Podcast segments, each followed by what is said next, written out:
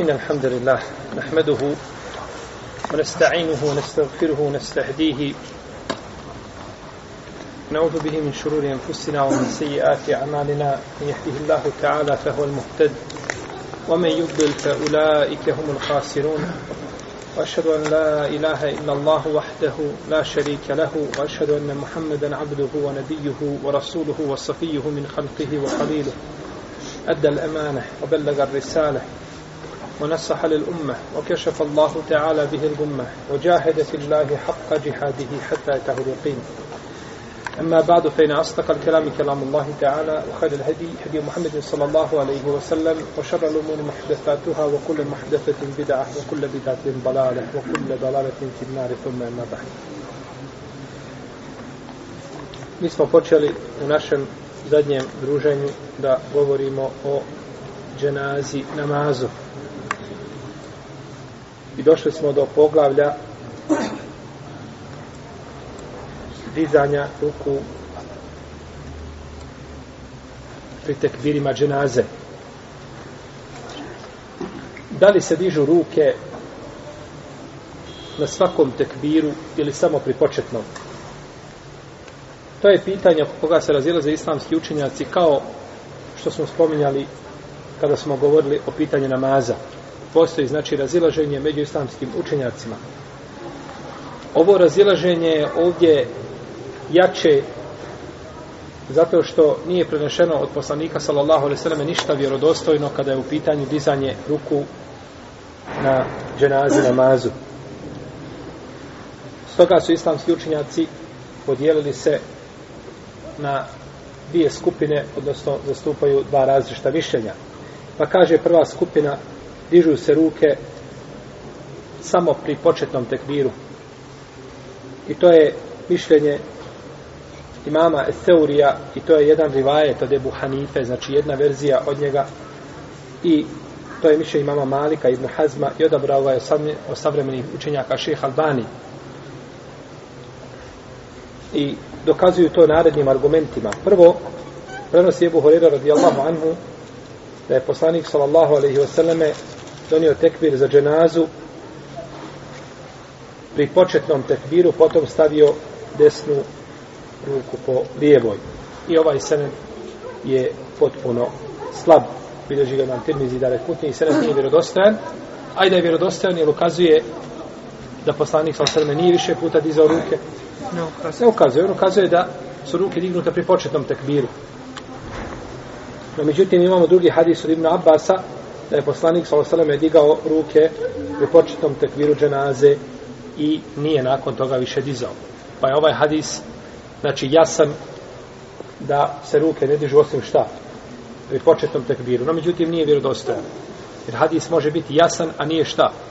Vjerodostojan. A može biti vjerodostojan, a nije jasan. Da bi sa njim dokazivali, mora biti u ovakvom slučaju vjerodostojan i jasan. Pa je ovaj hadis jasan, ali nije vjerodostojan.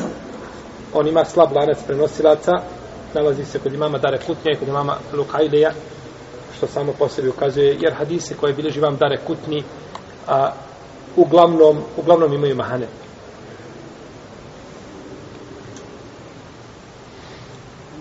I kažu ovi učenjaci islamski pravnici složu da se diže pri početnom tekbiru. Znači nema razilaženja da se pri početnom tekbiru, kada počinje dženaza, prvom tekbiru, jel da se šta dižu ruke. No, međutim, razilaze se da se dižu nakon toga. Pa kažu, budući da se razilaze, a nije prenešeno od poslanika, sallallahu alaihi sallame, ništa vjerodostojno, nećemo dizati ruke.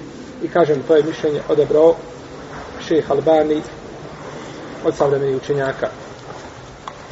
Drugo mišljenje je da se ruke dižu pri svakom tekbiru dženaze i to je stav većine islamskih učenjaka, zastupaju ga imam Šafija, Ahmed Ishaq, zastupa ga isto tako i Ebu Hanife i Malik po jednoj verziji. Znači imamo od njih dvije različite, dvije različite verzije. Dokazuje to hadisom Ibn Omara u kome stoji da je poslanik sallallahu alejhi ve selleme kada je klanjao dženazu da je dizao ruke pri svakom tekbiru I ovo je jasan znači argument da se ruke dižu pri svakom tekbiru i da je to prenešeno od poslanika sallallahu alejhi ve selleme, no međutim hadis nije vjerodostojan. Pa je jasan, a nije šta? Kao u prvoj skupini što smo spomenuli, hadis je jasan, ali nije, nije vjerodostojan. Ispravno je da je to postupak Ibn Omara. Pa prenosi imam Buharija u svome dijelu Refa u Ljedeni, imam Al-Bejheqi, da imam Buha, da je Ibn Omar dizao ruke pri svakom tekbiru na ženazi, namazu i ta je predaja vjerodostojna. I prenosi se od Ibn Abbasa, kako spominje Ibn Hajar u svom dijelu Talhisul Habir, a, da je Ibn Seken zabilježio u svome, u svome eh, sahihu, a sahih Ibn Sekena je izgubljen. I pored toga, toga sahih Ibn Sekena nema, la, nema lance prenosilaca, neko je od kopista koje je pripisivao, pobrisao lance prenosilaca u sahiha Ibn Sekena.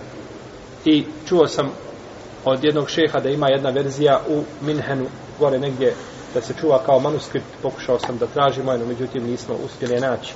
U svakom slučaju, a, Sahih od Ibn Sekena ne postoji, ali ga je Ibn Hajar prenio, znači, i ocjenio tu predaju vjerodostojnom, pa tako da ocjena Ibn Hajara je svakako validna, jer on predstavlja jednog od velikih imama umeta kada je u pitanju hadisi i hadiska nauka. Vidimo da se islamski učenjaci znači razilaze, imamo ovdje postupka dva ashaba i to je prenešeno vjerodostojnim putima od njih dvojice.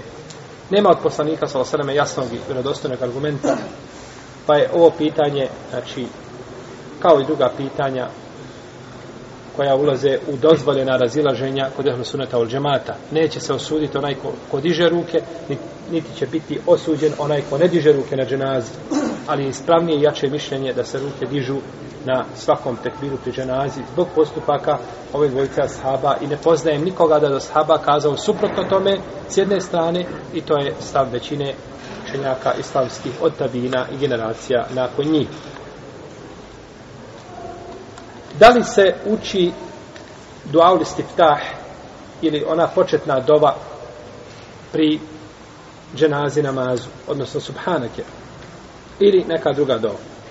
Većina islamskih učenjaka kažu da nije legitimno učiti početnu dovu pri dženazi. Nema znači početne dove. A, dok kaže imam Eseuri i to je rivajet od imama Ahmeda da se ova dova može učiti.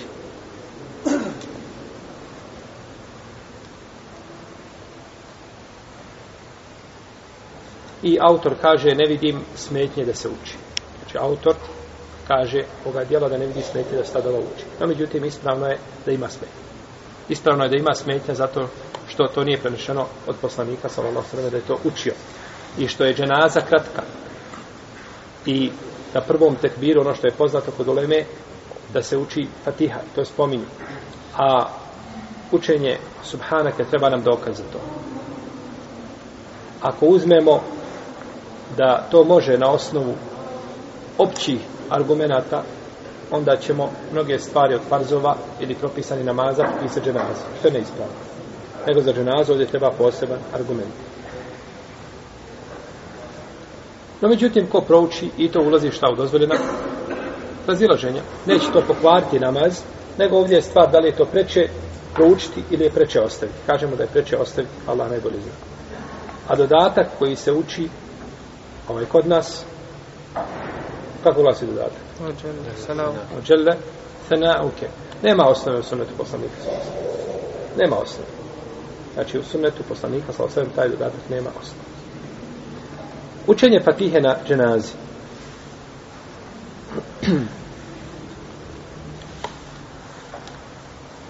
Isto tako, imamo šta? Dva mišljenja. Znate kad je onaj ostavio babo sina da bude muftija? Pa kaže, babo, kako će odgovarati ljudima? Kaže, kako ti dođe, recimo, i dva mišljenja. Pa odgovaraju, pa kako dođe, ima dva mišljenja. Pa mu došao jedan, kaže, a kaže, vjerovanje u Allaha imali sumnje? Kaže, imaju dva mišljenja. Ali stvarno, ovdje imaju dva mišljenja i po brojnim drugim pitanjima. Po većini braća pitanja u nama se razišlo. Naći ćete možda pi, pitanja na kojima se složili malo. Imate od Ibn Munzira, imate djelo Liđma. Ne spominje možda u njemu hiljadu mesela na koji su nama složili. I naći ćete možda naći dvije, tri hiljade. A stotine hiljada možete mesela napraviti u šarijetu. Imaju nama različite stavove, različite poglede. Zato znači, postoji nešto što zove terđi i određivanje ovaj, jeli prioritetnijeg mišljenja na osnovu argumenta ali se uvijek te mesele, znači moraju smatrati od mesela kod koji se šta ehlu sunnet razilazi. Hvala Bogu, ehlu sunnet se nije razišao po pitanju akaida. To je najbitnija stvar. A po pitanju fikha, tu je stvar elastičnija i da je uzvišen Allah htio, ne bi se ta razilaženja desila. Imamo dakle dva mišljenja. Prvo je da treba učiti Fatihu, to je stavi mama Šafije i Ahmed Ishaka i Davuda ibn Hazma. I to se prenosi od ibn Abbasa i Ebu Umame, a njihovi dokazi su općenito sliječi poslanika sallallahu alaihi wasallam sallallahu alaihi wasallam la salata li menem jakra fatihatil kitab. Nema namaza onaj ko ne prouči Fatihu kažu ovo se odnosi kako na propisane tako i na dženazu. Namaz jer ulazi znači jer ulazi u namaz. I od Ebu Umame se prenosi da je rekao sunnet je na dženazi da se prouči pri prvom tekbiru, da posle prvog tekbira majka knjige, to jeste to jeste potiha, tiho, u sebi. Potom da se donesu, donesu tri tekbira i da se preselam. I od Talhe ibn Abdillaha ibn Aufa se prenosi da je rekao, klanjao sam iza ibn Abbasa, pa je proučio na dženazi Fatihu. I rekao je da ljudi znaju da je ona sunnet. Da ljudi znaju da je ona sunnet. Čak se navodi u jednoj verziji da je poučio na glas. Iako se na dženazi uči po konsensu učenjaka u sebi, no međutim ibn Abbas je proučio na glas šta da pouči ljude. Da pouči ljude. Tako kada bi čovjek neke stvari radio koje se inače čine tajno ili u sebi, kada bi ih uradio javno ili proučio na glas da se ljudi pouče ne smeta. Davanje sedake je tajno bolje nego javno, no međutim kada bi čovjek dao javnu sedaku pred ljudima da vide, da druge postakne, ne, da, da ih pouči ne smeta. Ili da ovaj pouči ljude u vremenu kada je dova primljena pa da pred ljudima dovi namjerno ne smeta. Tako isto i da imam poslije farza prouči zikr koji je osnova da svaki klanjač uči u sebi i za sebe i da ga on prouči tihim, da ga on prouči naglas i da kaže ljudi spominjite ono Allah onako kao, kao što ga ja spominjem i kao što su čuli mene, ne smeta. Zbog poučavanja, ne smeta. Pa je ovdje Ibn Abbas proučio a, Fatihu naglas. Kaže šehol Islam Ibn Taymiye da je učenje Fatihe mustahab nije obaveza. Kod šehol Islama Ibn Taymiye učenje Fatihe mustahab. Drugo mišljenje je da, da nama, na ženazi, da se ne uči fatiha. Znači, ne uči se na ženazi fatiha, to je stav mama Teurija, Lauzaija, Ebu Hanife, Manika i to je rekao Ibn Omar i Ubade, Ibn Samit, kako se prenosi u verzijama od njih. I oni dokazuju to narednim argumentima. Možete li prati ovako, ćemo sporiti. Ha? Ne možete prati, resite sporije ćemo govoriti. Prvo, dokazuju to, ima Malik dokazuje sa postupcima stanovnika Medine, Amelu Ehlil Medine. To je kod njega validan izvor šerijata. Kod Ebu Hanife i Šafije i Ahmeda to nije validan izvor šerijata. Šta? Postupci stanovnika Medine. Imam Malik daje prednost postupcima stanovnika Medine nad pojedinačnim hadisima. U redu. Imamo hadis jedan koji kaže ovako a postupci Medine govore drugačije, odnosno stanovnika Medine govore drugačije, ima Malik daje čemu prednost? Postupcima. Zašto? Kako je to ima Malik mogao dati prednost postupku ljudi nad onim što je prenešeno od poslanika sa osaleme jer dostojnim putem? Zato su ljudi više vidjeli, vidjeli su možda te postupke. Vidjeli Tako je. do očima. Znači, ono što se ima Malik je bio generacija treća. Imate ashabe, imate tabi tabi, imate tabijine i imam Malik je bio tabi tabi. Jer on je prenosio od Nafija, Nafija prenosio od Ibn Omara. Pa je on blizu poslanika, sa sveme, po, po, znači, ovaj, vremenski. Pa kaže, postupak stanovnika Medine se je prenosio sa generacije na generaciju sa mutevatirom. Je li tako? Cijelo jedno društvo prenosi te postupke. Dok hadis koji je došao pojedinačno, može u njemu šta biti? Može biti greška. Može biti greška da je ravija pogrešio. Pa lakše pogreši jedan čovjek nego šta? Cijela generacija ljudi, je tako? Pa ima Malik to uzimao kao argument. No, međutim, ispravno je e, stav e, druge trojice imama, da to nije validan argument. To nije validan argument. Ako se potvrdi vjerostojnost hadisa poslanika, sa osaname, mora se raditi, znači, po tome, po tome dokazu. Dalje,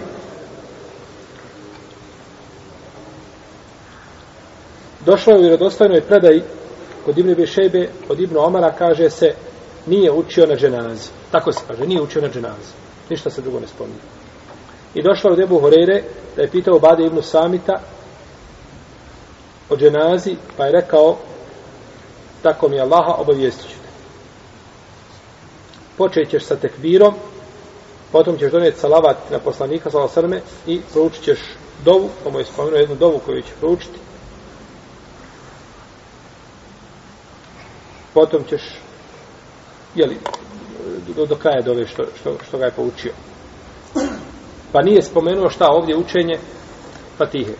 No, međutim, spominjanje učenja Fatihe ne znači da je nema. Nije rekao, on nije negirao učenje Fatihe. Isto tako Ibn Omar nije učio. Može li biti da nije učio mimo Fatihe? Može. Može se odnositi da nije učio mimo Fatihe. Znači nije jasan. Nije jasan ovaj dokaz. Tako da je ispravnije mišljenje da treba učiti Fatihu. Da li je obavezno da se uči, to je pitanje možda koje je podložno raspravu. Da li je obavezno? Ali je ispravno da treba učiti, jer Ibn Abbas je rekao da je to šta? Sunnet. I Ebu Mame kaže da je sunnet. A kada Ashab kaže da je nešto sunnet, to se odnosi na sunnet poslanika, sallallahu alaihi wa sallam. Pa je ispravno da se Fatiha uči. Ko uz Fatihu doda kratku suru, neće smetiti. Jer se prenosi od predaj da Ibn Abbas dodao kratku suru. I kaže Ibn Munzir u svome dijelu, eh, uh, Eleusad, ko doda kratku suru, ne smeta. Ako ostavi, isto tako ne smeta. Znači učenje sure, ako se doda, doda, ako ima vremena, ako nema, i to kratka sura. Duže učenje na dženazi je pogrešno. Znači da se dugo dženaza klanja, to je pogrešno. Dženaza se klanja što kraće da se požuri šta sa mejtom. Zato su neki učenci kazao, nema nikako, nema opće fatihe, nema učenja Kur'ana.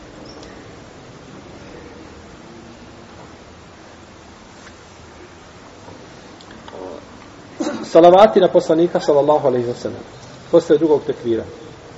Pohvalno je da se znači na dženazi posle drugog tekvira donesu salavati na poslanika sallallahu alaihi ve sellem radi hadisa Ebu Mame da ga je jedan čovjek od ashaba poslanika sallallahu alejhi ve obavijestio da je sunnet a na namazu da imam donese tekbir i da prouči Fatihu posle prvog znači tekbira u sebi potom da donese salavat na poslanika sallallahu alejhi ve potom da dovi mejtu iskrenom dovom.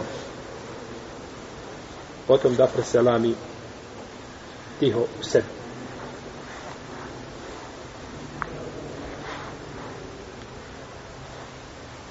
Učenje znači salavata prenosi Ebu Umame od jednog od ashaba. Ovaj ashab je poznat ili nepoznat? Nepoznat, to se zove Mubhem. Mubhem se to zove u šerijatu, u hadijskoj nauci. Ako ja sam nepoznat, možemo li onda prihvatiti tu predaju? Možemo. Zašto? Zato što su svi ashabi povjerljivi. Zato što svi ashabi povjerljivi i pouzdani. Znači, svi ashabi su kod ehlu sunneta pouzdani. Za razliku od šija pokvarenjaka koji tekfiri ashabe poslanika, sallallahu alaihi sallam, i nazivaju ih pogrdnim imenima i ne prihvataju islam nego par njih i slično tome. Znači, od Rafidija ne čine to svi, no međutim, oni koji to čine su pokvarenjaci čak je Buzura razi kaže ko kaže za e- Ebu Bekra da je nevjernik, on je zindik, on je otpadnik od vjere. Jer tekfir je ashaba o, e, jeli, po pitanju koga je poslanik sam kazao desetine i deset, desetine jel, vjerodostojnih hadisa u njegovu pohvalu i učinio tog nevjernika prvakom dženetlija.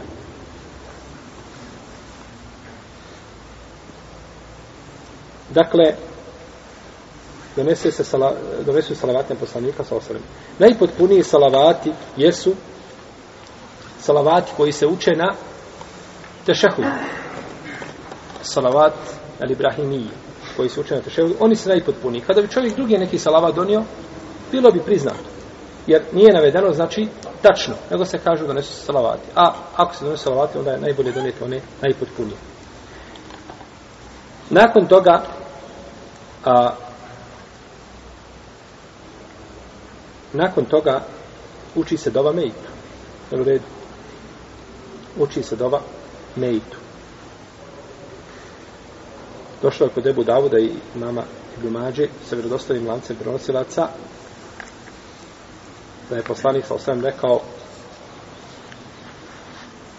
Iza salaitum ala al-đenaze evo ala al-đenaiz fe ahrisu leha ad-dua.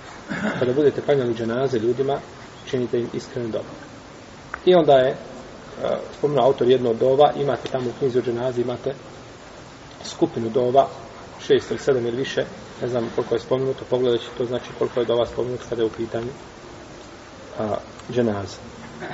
I uči se, ove se dove uče u sebi kao i učenje, jel, kao i učenje Fatihe. A to je Nabas što je proučio, kazali smo da je to proučio radi poučavanja ljudi. Nije autor ništa spominjao što se tiče četvrtog tekbira. A, posle četvrtog tekbira isto ima, ispravno je da ima a, da ima dova. To je ispravno mišljenje da ima dova i posle četvrtog tekbira i dovi se, najbolje doviti svim muslimanima. I isto tako, znači to u knjizu džemazi tamo, za razliku recimo od hambelijski učenjaka koji kažu da nema te dove. Zato kada klanjate u Mekiju ili Medini dženazu, odmah posle treće dove, odmah posle trećeg tekvira, donosi se četvrti i odmah posle četvrtog se šta? Preselame. To jeste posle dove trećeg donese se četvrti tekvir i onda se odmah se selam, znači ovaj čini, nema dove. Ispravno je da ima i tada, da ima i tada dove. Predavanje selama u nama se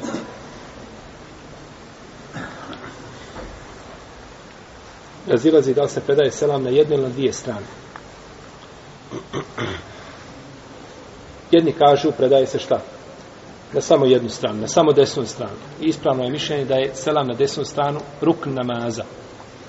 Selam na desnu stranu da je rukn namaza, kako spominje Ibn Munzir, a na lijevu stranu da je sunnet.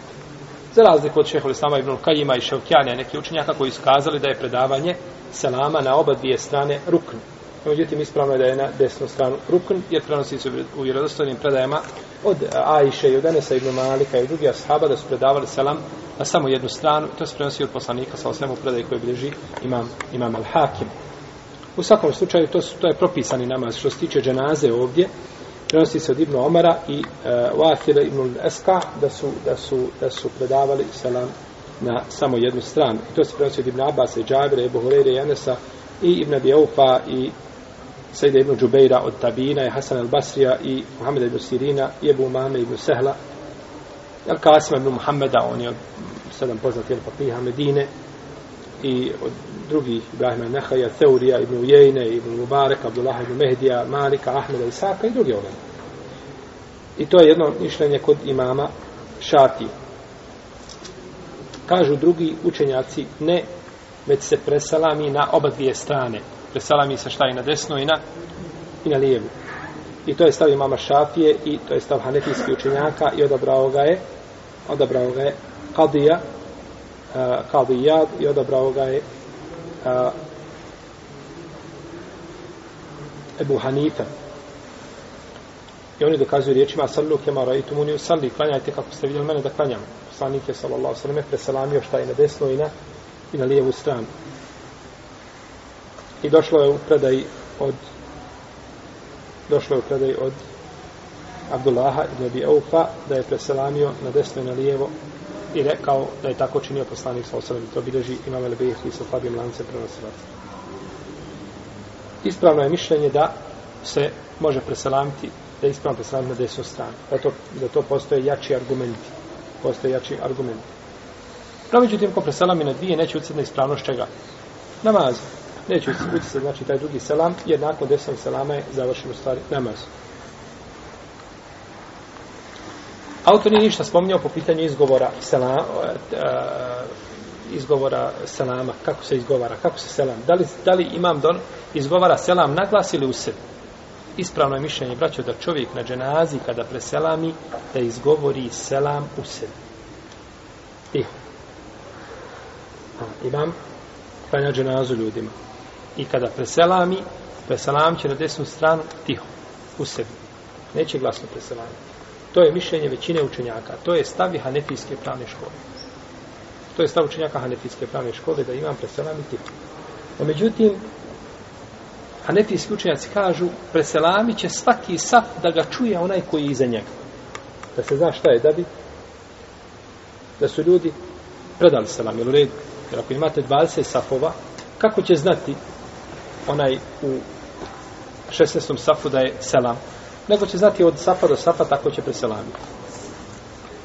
Ovdje se izuzima Allahu Teala Alem da kada bi bio džemat veliki, džamija recimo ogromno velika i došlo puno ljudi, e u tom slučaju nije lahko ovo praktikovati. Pa bi to možda stvorilo zbrku. Ili ako bi stvorilo zbrku, onda neka imam preselami na nas. Radi toga. Ali je sunet da se preselami šta? Ostavi tako je došlo od Ebu Mame i drugi. Inače to, ja sam opširno govorio tome u knjizu Dženaz, pa pogledajte. U svakom slučaju, ovaj, ako postoji, kao donošenje tekbira za seždu tjelaveta. Kada čovjek dođe do, imam učio seždu tjelaveta i treba da učini sada seždu. Hoće li donijeti tekbir kada čini seždu ili neće? Od poslanika sa osreme nije prenešeno da je donosio tekbir kada je činio seždu tjelaveta. Nema ništa. Pa je ispravno da imam učini seždu bez tekbira. I ljudi učine za njim. Jedan po jedan saf vidi šta drugi da čini seždu. A znaju da je završio kada šta? Počne ponovo da da uči. No međutim, ako imam zna da će napraviti zbrku i da žena, na primjer, u ženskoj musali neće to vidjeti, ili da je veliki džemat i sveće to ne da ljudi ne znaju propis, onda ne smeta da donese tekbir, jer se prenosi kod Ibn Abi Šejbe od Abdullaha ibn Mesauda sa vjerodostanim lancem prenosilaca da je činio, da je donosio tekbir kada je činio šta? Seždu tilavet. Pa vidimo, znači, da ova stvar ima i osnove i u drugim postupcima. No, međutim, gleda se, znači, ova se stvar gleda da se ne napravi pometnja.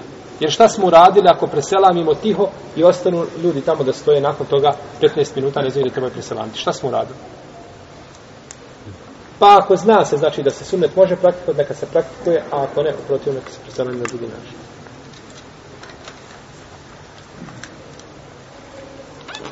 Čovjek koji je zakasnio na dženazu. Čovjek koji je zakasnio na dženazu. Neki islamski učenjaci kažu da čovjek koji je zakasnio na dženazu treba naklanjati tekbire koje je propuštao. I to je stav Sejde ibn Musaiba i Nehaja i Zuhrija, Ibn Sirina i Katade i Malika i Seurija i Šake i Ishaka i to je stav Hanefijske pravne škole i to je stav Ibn Hazma. No, međutim, oni se razilaze da li će čovjek naklanjavati te, te, te ili će nadoknaditi te tekbire, bolje kazati, nadoknaditi te tekbire sa učenjem dova i onoga što se uči ili samo jedan tekbir za drugog i preselamiti. Tu je razilaženje. Ali su složeni da treba šta? Nadoknaditi tekbire koje je propuštao. Zbog riječi poslanika za osaleme, Oma je dekon fesallu, oma fate kon fa etimmu. Šta stignete, klanjati, a šta vas, a šta vas propusti, ili šta ste, šta ste propustali, to, to naklanjajte. Dok kažu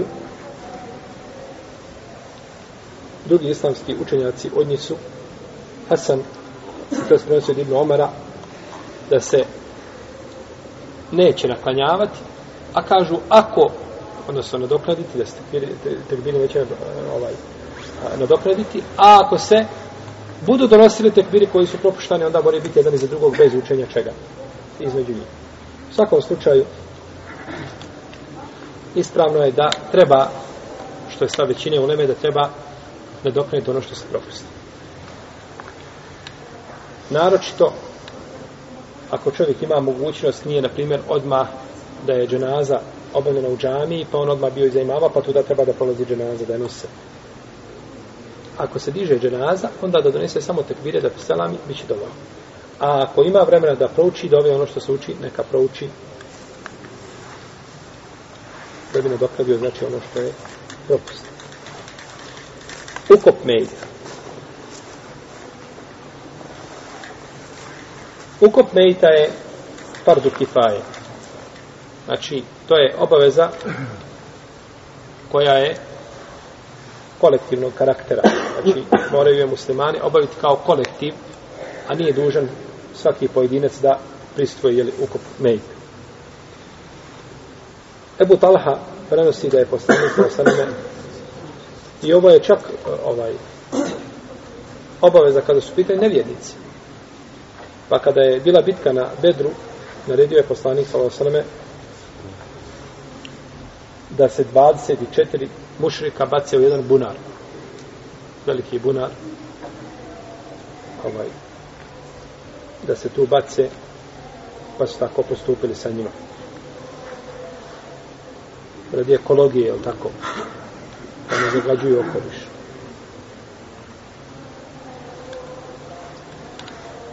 Pa su bačeni, pa je poslanik obraćao im se. Jeste li, kaže, našli da je istina ono što mi vaš gospodar obećao? Kaznu.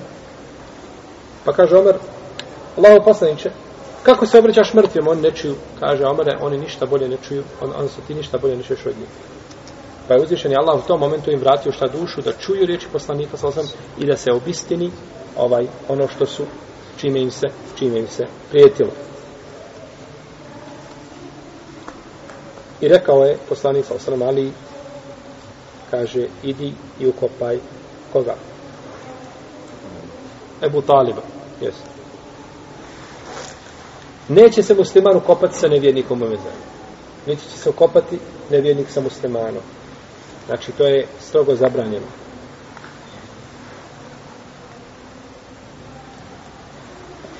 Juče me zove jedan musliman iz jedne od zemalja naši gdje žive muslimani. Pa kaže, ovdje kod nas, kaže, čovjek je bio musliman i otišao u Jahve Sedok i tako preselio. I nakon toga, kad je umro, ljudi ga ukopali u muslimanskom mezaju. Iz nekakvog merhameta. Merhameta, nekakvog on otišao u kufur i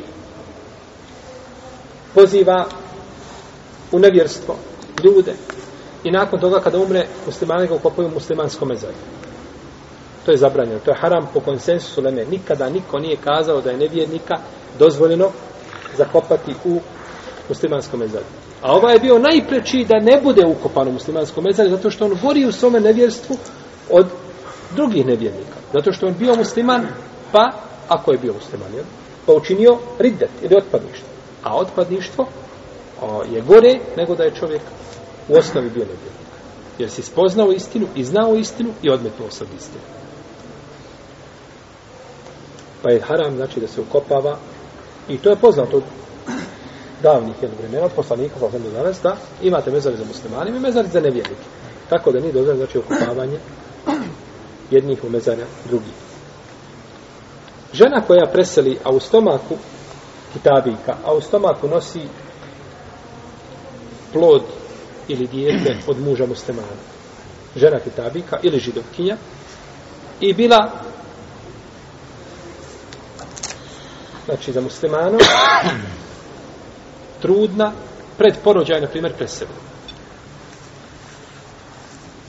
Šta će biti sa djetetom i sa njom? Gdje ćemo je ukopati? Ne možemo je ukopati u muslimanskom mezare zato što je šta? Nevjernica. A ne možemo ukopati nju u mezarje nevjernika zato što nosi u stomaku dijete koje je musliman. Jer po ispravnom mišljenju, braćo, kada jedan od roditelja primi islam ili je u osnovi musliman, djeca prate njega. Bio otac ili majka. Dva kršćanina imaju, imaju šestero djece. Od jedne do šeste godine. I majka primi islam. Odmah su i djeca muslimani. Bilo koje djete da preseli, ukopat ćemo ga gdje? U muslimanskom mezarju. Slijedi dijete boljeg oca, boljeg u stvari roditelja. Slijedi boljeg od dva roditelja. Pa koje je bolje, koje je primilo islam, njega slijedi. Za razliku od toga da su jedno i drugo nevjernici da dijete preseli, kao malu, kopat ćemo ga gdje? U nevjerničkom mezarju. Jer ona slijedi roditelje svoje. A ako jedan od njih dvoje primi islam, ili jedan od njih dvoje primi islam, onda slijedi boljeg roditelja. Pa ovdje imamo, znači, ne možemo ni u muslimansko, ni u nemuslimansko mezari. Zato je jedan dio u Leme smatrao, to se prenosi od Omara, radi Allahu anhu, koliko se sjećam, da je rekao da treba napraviti posebno mezarje za takvu skupinu ljudi. Ima posebno mezarje, znači gdje se ukopavaju ljudi, znači, ili osobe ili koje dođu u takvo stanje. Ili kažu, ako nema tog mezara, onda se ukopa negdje van, mimo mezare. Neće ni u jedno, ni u drugo. I kada se bude ukopavala, ukopaće se ona tako da se okrene sa leđima prema kibli. Ona se okrene kako? Stavi se u lehed, je u redu. Lehed samo na opačke. Na drugu stranu, tako da bude leđima prema šta? Kibli. Jer dijete u utrobi majke biva prema njenim leđima, pa će onda dijete biti licem prema čemu? Jel u redu? Prema kibli. Pa ste tako, ona ne zaslužuje da bude okrenuta prema kibli zato što nije osnovi muslimanka, a dijete je okrenuto prema kibli. Pa smo tako spojili, znači, dvije stvari koje su, jel, legitimne, koje su legitimne u šarijetu. Sunnet je dakle da se muslimani ukopavaju u mezarja i o, o tome imaju znači mutevatir predaje da je od vremena poslanika sa osrame do danas da se ljudi ukopavaju u mezarja i nije prenešeno da se iko ukopava mimo mezarja. Osim ono što se prenosi da je poslanik sa osvijem ukopan na mjestu gdje je preselio tu su Ebu Bekr i Omar i to je bilo samo za njih, to je bio konsensus sa sahaba, niko se nije protivio, a, a drugi ljudi u, idu u mezarja, osim šehida. Šehidi koji presele, oni se ukopavaju tamo gdje su preselili. Na mjestu gdje su preselili, tu se ukopavaju, jer je došlo u predaji Džabira da su da je od njega preselila njegova neka rodbina, pa su ih dotjerali u Medinu, ili dovukli u Medinu, pa je naredio da se vrate nazad na mjesto gdje su ubijeni, pa su tako postupili. Mekruh je da se mejit ukopava u tri vremena.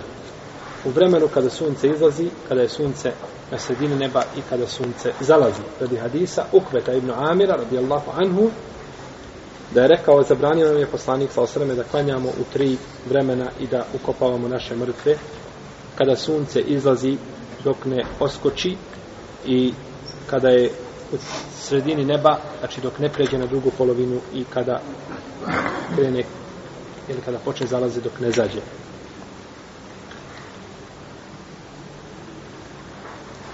Ukopavanje noću bez potrebe je mekru. Prenosi se u hadisu džabira koga bilježiva muslim da je su ukopali jednog od ashaba po noći, pa ga nisu zamotali lijepo u kefine, pa je poslanik sam zabranio da se ukopava po noći, osim ako je čovjek prisiljen na to. Znači, ako postoji mogućnost da bi se mejt mogao promijeniti, da bi mogao se kvariti, jer njegovo tijelo i tako dalje, onda nema smetnje da se, da se kopa po noći. Šeha Albani, rahimehullahu ta'ala, je ukopan u 11 sati na večer. Preselio u 4 posle ikindije, u 11 na večer ukopan nikoga nije dozvolio da se iko obavještava. Znači, ostaje oporuku da se ne sve niko obavještava za njegove dženaze. Ne se biti javna obavijest. I opet je 7000 ljudi bilo na dženazu. Na večer. A, jer ljudi su, puno veći broj ljudi šta na dženazi, po danu nego, na već. Biće manji broj ljudi, znači ako se znači bude klanio manji broj ljudi, onda ljudi dođu na dženazu. Šta mislite njega probudite u dva sata dođe na dženazu?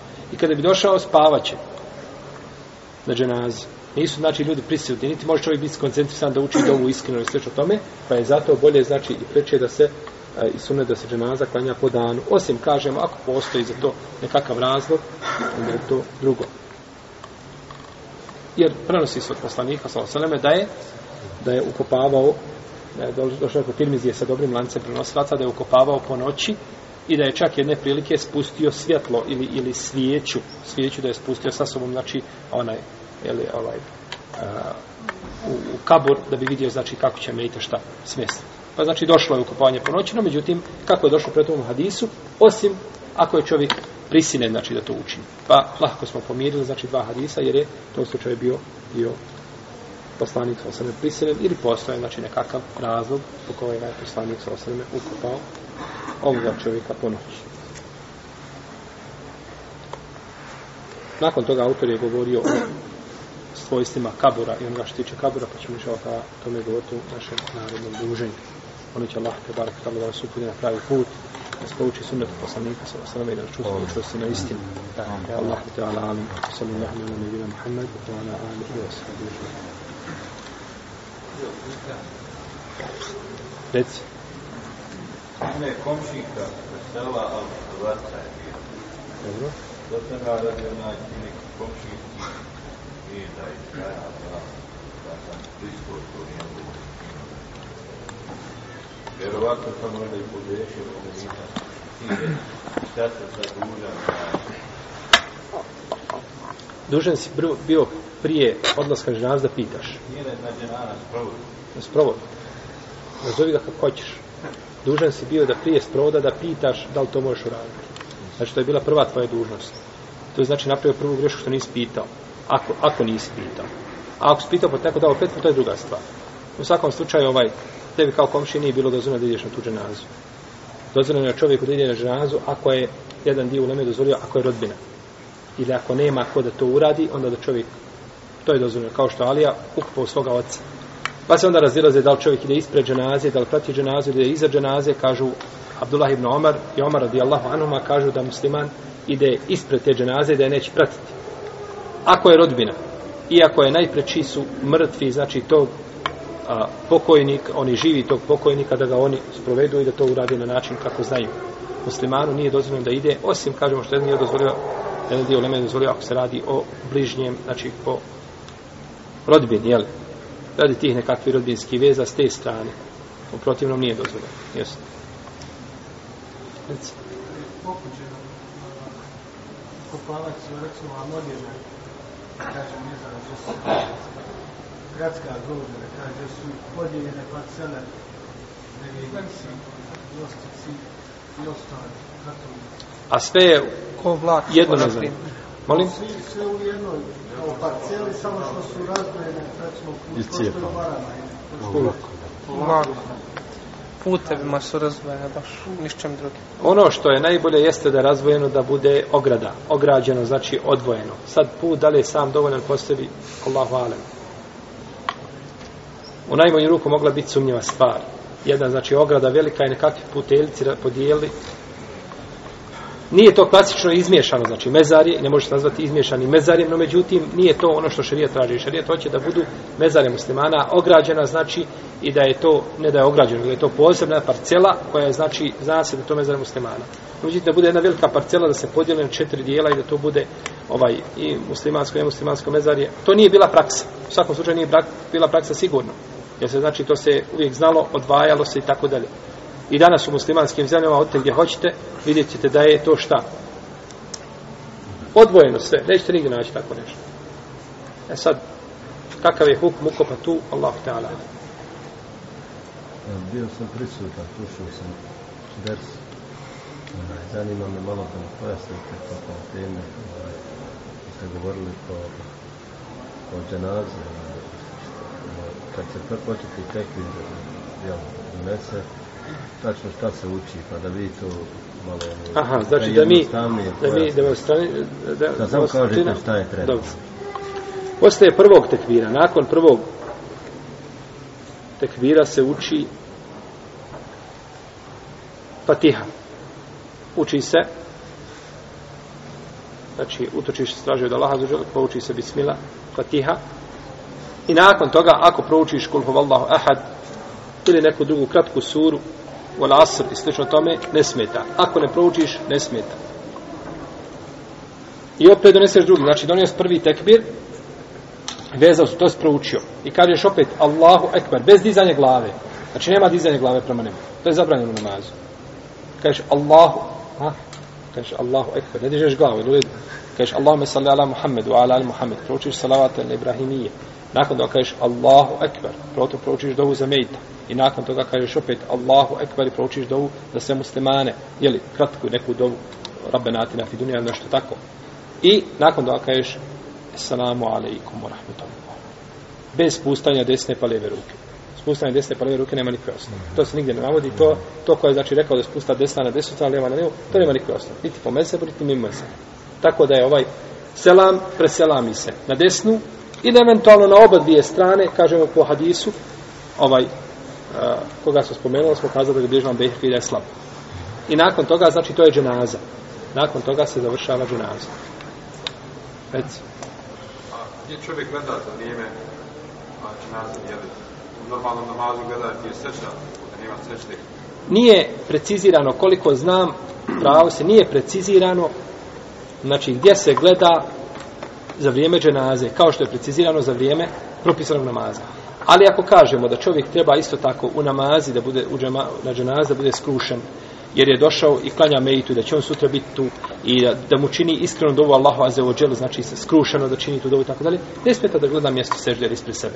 Ali neće to, neće to smatrati a, strogim sunnetom kao što je to pitanje pitanje kod propisani namaza. Ali koliko znam da nije precizirano da je neko spomnio gdje se gleda da li se gleda u mjestu gdje se čini sežda na propisanim namazima ili gdje bi se ono činilo, to nije niko, to niko, niko nije spominjao. I dosta puta znaju, znači, safovi da priđu bliže jedan drugom, ne mora znači safovi, ne mora biti tolika, tolika razlika između safova kao što su na propisanim namazima, znači, tako je tjesni prostor i tako dalje, približe se safovi iako se moraju popravljati. Je navodi Ibn Kudame, Ibn Atar, da se moraju popravljati, znači safovi na, na, na, na ženaz moraju biti kao strele. Jer imate dosta ljudi kažu nisu biti safovi, samo je bitno da se stane. To je pogrešno. Saf mora na ženajac biti poravnat kao što je propisani, kao što je propisani namaz. Uglavnom, nije precizirano tačno znači gdje biva pogled čovjeka koliko znam je za vrijeme dženaza. Yes. Naše hađe čuvaju i hranu s da bi se vesele Dužnost je čovjeku da se umota u lijepe kefine. Bili to i hram ili mimo i hrama. Ako čovjek to čuva i, i oporuči da se tako čini, neka se uči, neka se ispoštuje njegova oporuka, ali ta oporuka nije suprotna šerijetu. No, međutim, to nije sunnet, nije praksa. Nije bila praksa da to čovjek šta? Čini. No, međutim, u nama braću neke stvari koje kažu, iako nije bila praksa da se čini, ako meni to poruči, a nema jasne zabrane, oni kažu to će se ispuniti. Kao na primjer. Da li je ispravno za medita klati kurban? Da li je ispravno za metak klati kurban? Jedna, jedan dio učenjaka kažu da jeste. I da se može klati, to je stav većine uleme. To je stav Ambelijske pravne škole i to je stav Ebu Hanife i to su odbrali mnogi učenjaci. Dok drugi kažu ne može i neće osim ako poruči. To je stav, ša, to je stav ovaj šafijske pravne škole. Nije ispravno. Malikije kažu da je mekru. Šafije kažu ne može i ne smije se klati osim ako oporuči. Ebu Jusuf kaže ne može nikako. U redu. Klanje kurbana mrtvim osobama nije bila praksa. Jel u redu? Nije bila praksa Selefa. Imate hadis kod Ebu Davuda od Alije da je klao dva kurbana. Pa mu je rekao čovjek šta je to? Kaže jedan za mene, a drugi zato što mi je poslanik sa svemu poručio da koljem za njega, pa ja to nikada nosim uvijek koljem za njega. Ali ispravno da u tom lancu prenoslaca ima jedan tabin koji se zove Haneš, koji je slab, i lanac prenoslaca ima i druge mahane, tako da je hadis neispravan. Pa to nije bila praksa Selefa. Nije bila praksa Selefa da kolju kurbane mrtvim osobama. No međutim, kaže šafijska pravna škola, ovi svakako dozvoljavaju prvi, Ebu Hanife i Ahmed i drugi dozvoljavaju. Šafije koji brane, kažu, ne može osim ako poruči. Ne može osim ako oporuči. Pa su znači dozvolili da se to, ovaj, tako isto što se tiče umotavanja. Ako ne i to poruči da se, da se ovaj umota u one u kefine, hajri bereket, a u protivnom nije to bio e, nije to bila praksa i druga stvar, ti kefini ne mogu ti kefini znači pokriti njega. Jer to su relativno mali, znači kefini da bi njega pokrili. E sad ako se stave ispod onih kefina dole drugih, pa se preko njega stave bijeli kefini, a on to poručio, molim Allaha da tome nema grijeha.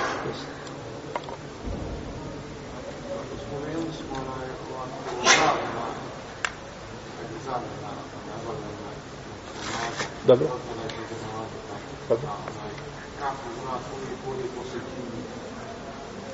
Nismo kazali posle ikindije, Allah ti nema svaki dobro. Dobro?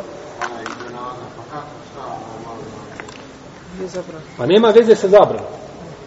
To nema veze sa, mi smo rekli, kad, kad počne sunce da zalazi, dok ne zađe. Znači, samo to vrijeme. Znači, nije kao posle ikindije da se klanja ovaj namaz, jeli, nego, to je nešto drugo. Znači, ovo je zabranjeno za dženazu, znači da se klanja ovaj, eh, u ova tri vremena samo. A to kod nas što je posle ikindije, možda je to iz razloga što je to vrijeme kada ne više ljudi prisutno, može biti sa raznih, ovaj, ovaj, iz raznih razloga, ili je ono praksa koja je bila i, i ljudi nastavili da idu tom praksom i tako dalje. Uglavnom, ne ulazi to inša Allah u zabranu. Ne ulazi u zabranu. Kako sada ovaj, ovdje u Bosni praksa ta, kad primjera umrijem sad neko moj, najbolji mati, babo ili neko, kako ja da onaj obavim to džanazu po propisu da bude, da ne bude po tradiciji Bosne.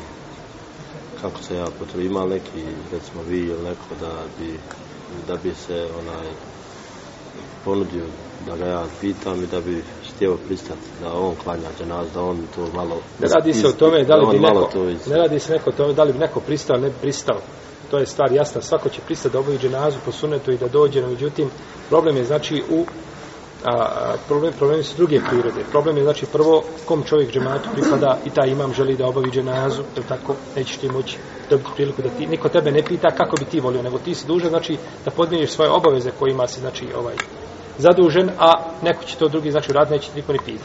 Tako da čovjek može nekoga tražiti od imama ili nekakav dogovor sa njim napraviti kompromis da, da imam neko on bude prisutan, to nije sporno, onda neko drugi klanja dženazu, najbrži ili, ili ovaj, da, da e, nasljednici odrede čovjeka koji će doći klanjati dženazu, koji smatraju da će obaviti dženazu, da će to biti po sunnetu poslanika, sallallahu alaihi selleme ovaj, gdje se to napravi, znači, dogovor sa imamom, neće smetati.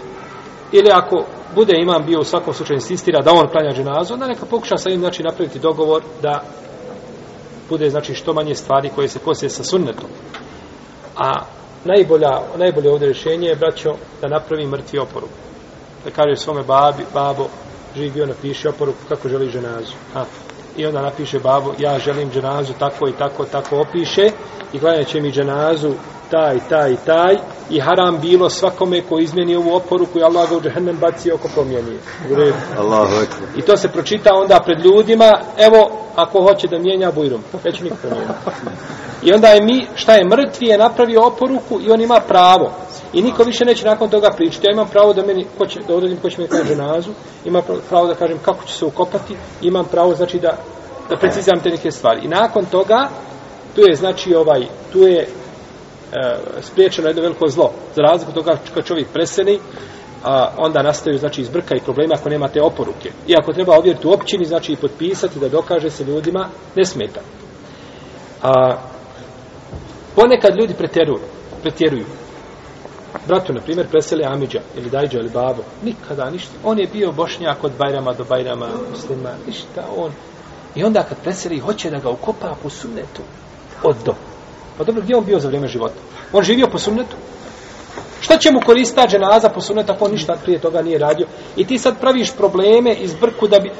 Taj čovjek u osnovu nije živio po sunnetu. Ali čovjek, prava je propast da čovjek živi svoj život u sa sunnetom poslanika sa osaname i nakon toga neko ovaj, na njegovoj dženazi znači čini stvari koje su suprotne sunnetu, to je, to je neispravno. Da li je ispravno onaj, ne pa uvijek da bude saf?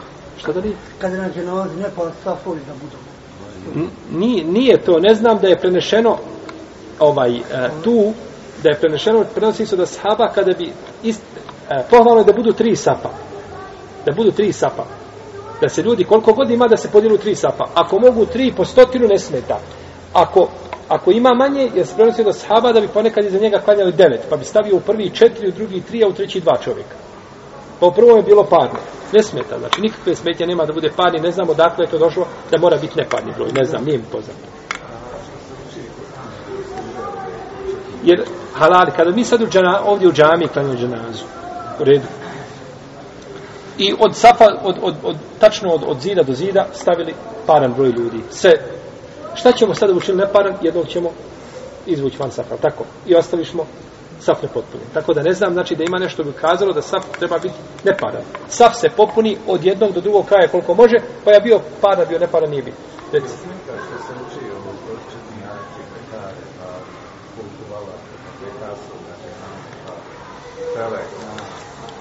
Pa to je učenje, znači klasično učenje kabura na, na, na, na ovaj na, uče, klasično učenje Kur'ana na kaburu, braći.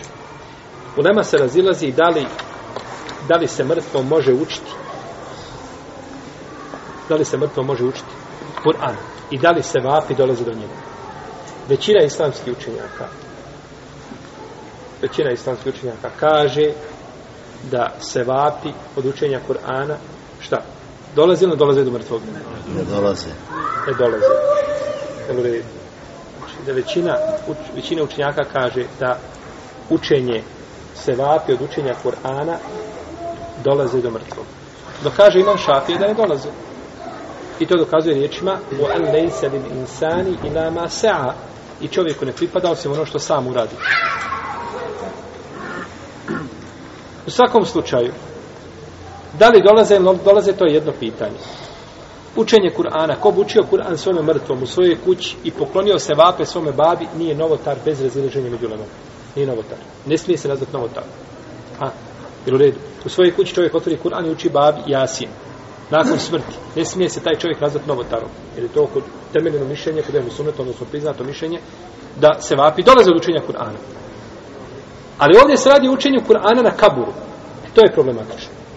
I još što je gore od toga, što je naročito sudla Hanefijska ulema, kao recimo uh, Ibn Abil Aiz u komentaru pos, uh, Tahavine poslance u drugom tomu, a to je učenje za pare. To je posebno znači osudio. Jer to je učenje za pare. Ta se kulhu vallahu je skup tu i, i pelekina. jako je skup. Tako da znači ovaj tu je pogrdno učenje. Učenje samo Kur'ana po sebi meitu na kaburu ima neke uleme koja se drži predaje od Ibn Omara i drugi da je oporučio Ibn Omar da mu se uče uh, ovaj zadnji ajet i sure uh, Al-Bekare da mu se uče ovaj, uh, na, na ženazi, no međutim sve ste predaje daif. Imate te predaje na kraju knjige o ženazi, spomenuti samo sve predaje te znači, ovaj, sa njihovim izvorima i stepenima slabosti. U svakom slučaju ovaj nema osnovi da se bilo šta uči nego nakon ukopa je kako rekao poslanik kaže sada dovite vašem bratu jer on se sad ispitiva. Znači kada se postavi u kabur tada se ispitiva i tada mu iskreno dovite svi svako digne ruke i dovi. Allahu da učvrsti našeg brata i našu sestru koja je znači ukopana.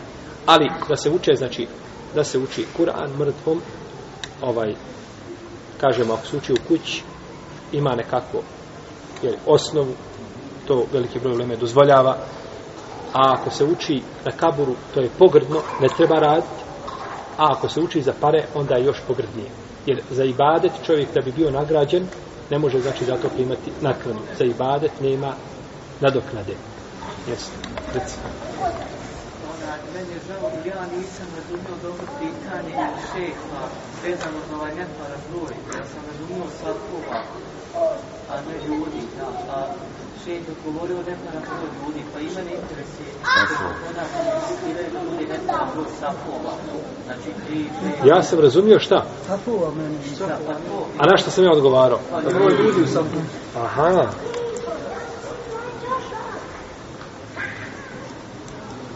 ja sam odgovarao na broj ljudi ma ne znam isto što se tiče sapova ne znam znači da ima argument da ukazuje da treba biti naparan broj sapova osim ono što kažu da se poredaju tri ako je to Jel u redu? Ako je to dokaz, što je rekao poslanik, koliko bude ljudi da sporedaju tri sapa, ako je to dokaz da treba biti neparan broj, onda u redu. Jel razumijete? Je rekao poslanik sada da se koliko ljudi ima da tri sapa. E u redu sada. Ako čovjek kaže tri, mi ne možemo u tri zato što nas ima puno, sad ćemo u pet da bude neparan, ako je to dokaz, onda u redu. To može biti dokaz s te strane. Jeli? Kažem, ako bi mogao poslušati kao dokaz. Ali ja sam, ja sam razumio, shvatio sam znači broj ljudi u safu. Reci. Allah je dao svako dobro. Nekomu se nam. E, zanima me e, po pitanju tog tih svih novotarija izmišljotinja koji su izmislili ljudi, jel što nije poslanik sa salam radio oko kabura i poslije i prije. Zanima me ovaj, da, li, da li se ti ili moj babo ili ja ovaj, odužili svome gospodaru i nećemo biti odgovorni ako ostavimo tu stvarno oporuku pred svjedocima da, da je tvoja djeca tu su i oporuku ostave i opet drugi rade to i natjeraju to da se radi. Hoće li on biti odgovoran za to Imaš drugu što mu radi? imaš drugu mogućnost da mobiliziraš jednu brigadu i da ih postaviš kao stražu da ljudi moraju raditi ono, ono što ti je oporučio.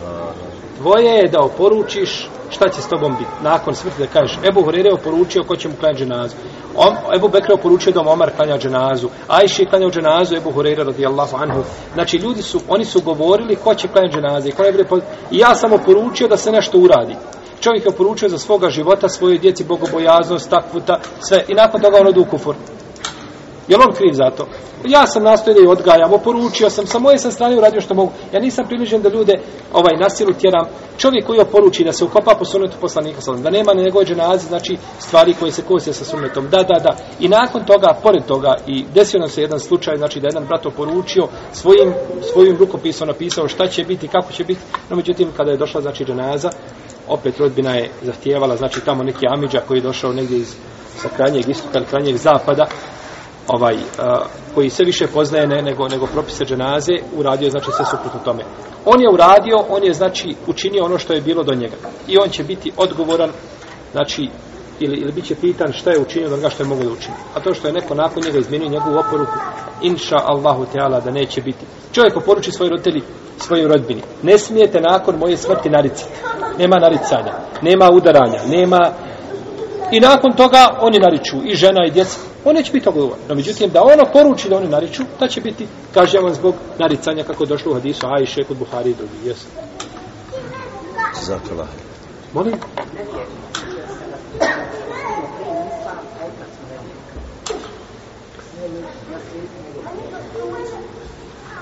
Poslanik sa kaže da ne nasleđuje musliman nemuslimana, niti, niti a, nemusliman muslimana. Nema nasljeđivanja, pravilo je, znači nema nasljeđivanja kada su različite vjere. Znači, kada je u pitanju islam. Nema nasljeđivanja, ne može nasljeđivati.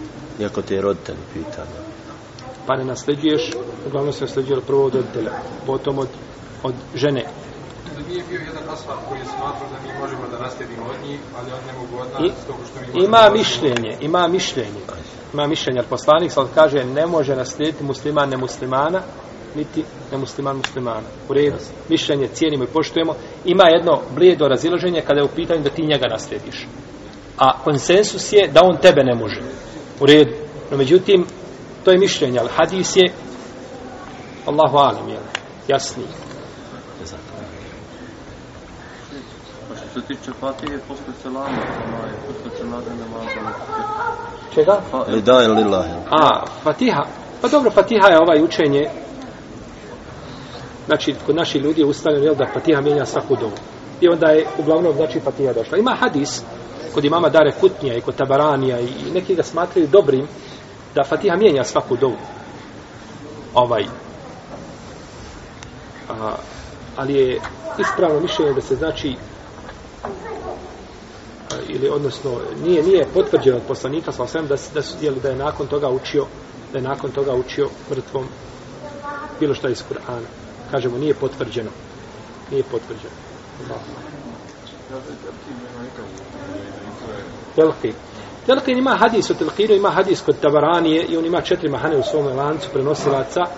A, no, međutim, prihvatio ga Ibn Salah i neka druga ulema šafijski pravnika su ga prihvatili i poznato u Hanefijskoj pravnoj školi da se radi po Telkinu, Ali ispravno braća Telkin da se uči Telkin da se uči pri, pri da se uči živoj osobi. Telkin se uči živo osobe prije smrti, prije što osoba preseli, to je se, znači, osoba uči telkin.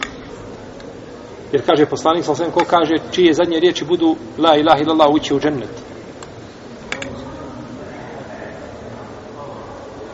Tako da je učenje telkina je mrtvoj osobi neispravno.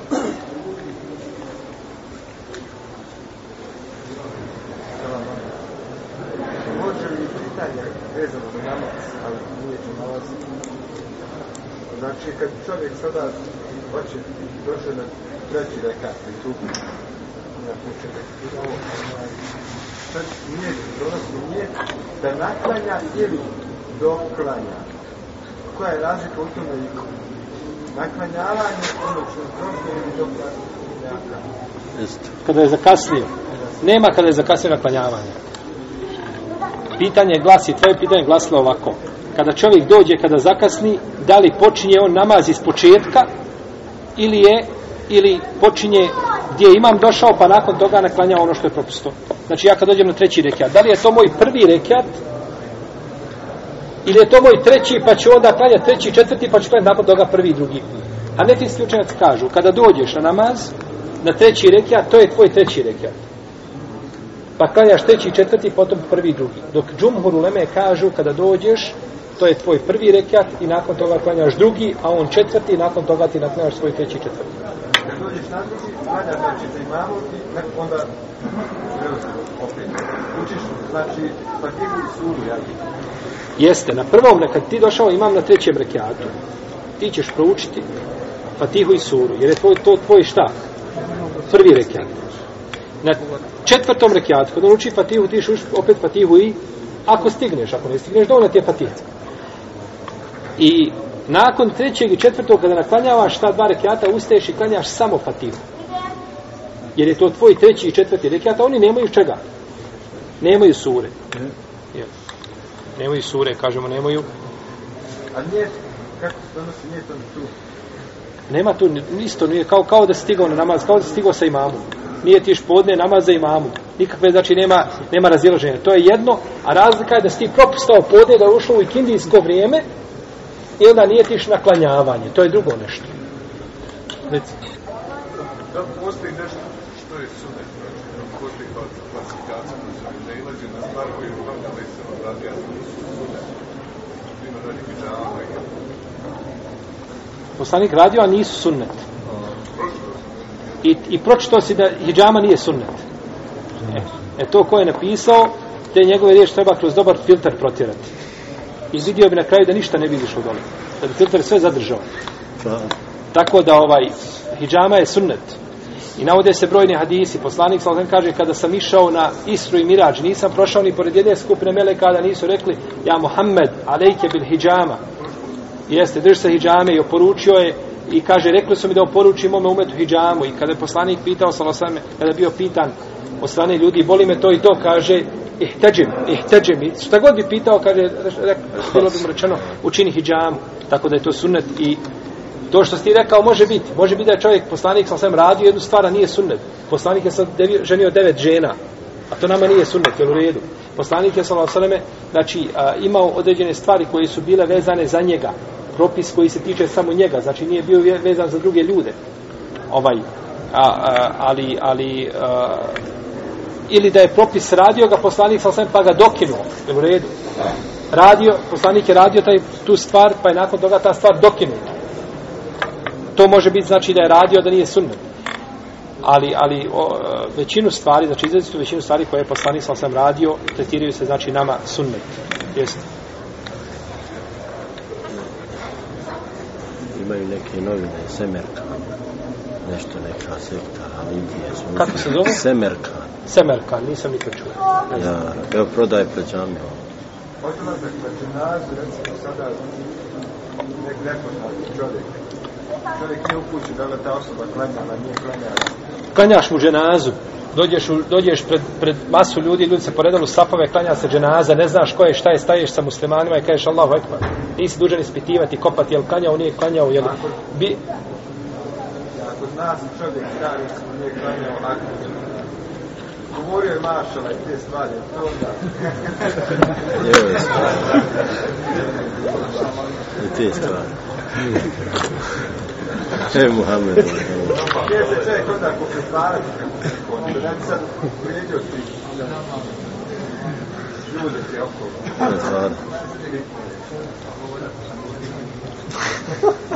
Šeh, Lavija vidio nego pitanje. Vremenski razlog, jedne do druge džama. nije određen vremenski razmak, možda medicinski, ako se ne potvrdi, a kada je dobro, kada je... Bogu, kad nisam napio tako.